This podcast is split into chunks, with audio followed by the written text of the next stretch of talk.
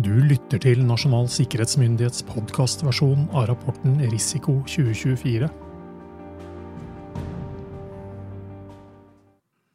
Episode 13 Oppkjøp og investeringer som nasjonal sikkerhetsrisiko. Norge skal være et attraktivt land for utenlandske investeringer. Det er viktig for norsk økonomi. Samtidig må sikkerhetstruende økonomisk virkemiddelbruk forhindres. Stater som utgjør en sikkerhetstrussel mot Norge, benytter seg av sikkerhetstruende økonomisk virkemiddelbruk. PST forventer at både Russland og Kina vil benytte seg av oppkjøp og investeringer i norske virksomheter for å oppnå tilgang på varer, tjenester og teknologi.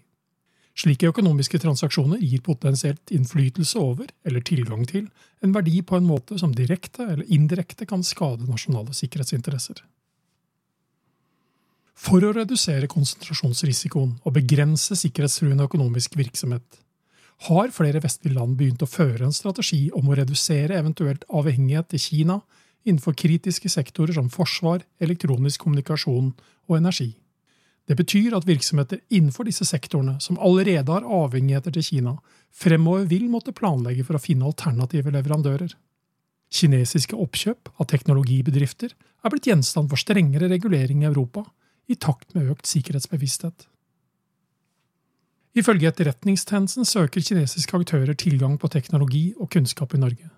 Det gjelder særlig innen fagfelt med flerbrukspotensial, dvs. Si teknologi som kan anvendes til både sivile og militære formål. Norske virksomheter som driver med forskning, utvikling eller produksjon av navigasjonssystemer, kryptologi, atomteknologi, kunstig intelligens eller bioteknologi kan være særlig utsatt for bl.a. sikkerhetstruende økonomisk virksomhet. Slike aktiviteter brukes for å få innpass i beslutningsprosesser eller tilgang til sensitiv informasjon, teknologi og kompetanse. Strategisk posisjonering og innflytelse kan også være en motivator. Aktiviteten er ikke nødvendigvis ulovlig, men kan brukes for å nå noen av de samme målene som ved ulovlig etterretningsvirksomhet, ifølge PST. Det kan undergrave nasjonal sikkerhet.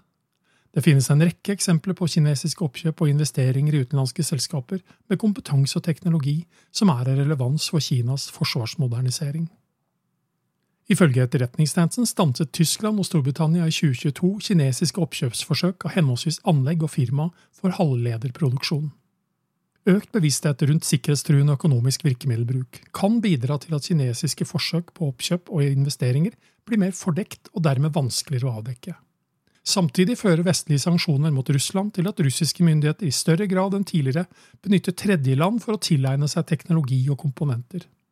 I sum kan dette bidra til en økning i antall skjulte og fordekte investeringer og anskaffelsesforsøk mot norske virksomheter.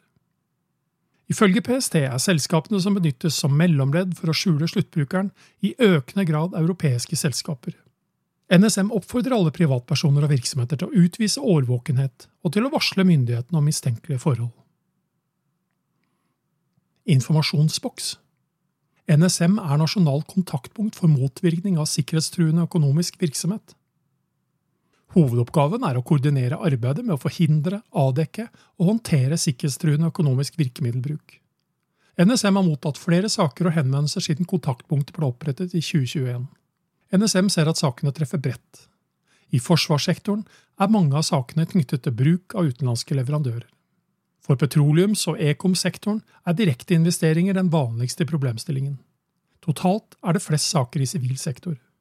NSM foretar nærmere undersøkelser i tilfeller hvor det mistenkes at økonomisk virkemiddelbruk kan medføre risiko for nasjonale sikkerhetsinteresser. Etterretningstjenesten og PST bidrar inn i NSMs risikovurderinger. Det er trolig mørketall når det gjelder slike saker. Henvendelsen og sakene NSM mottar, gir ikke fullstendig oversikt over sikkerhetstruende økonomisk virkemiddelbruk i Norge. Du har lyttet til Nasjonal sikkerhetsmyndighets podkastversjon av rapporten Risiko 2024, og mitt navn Aerowartum.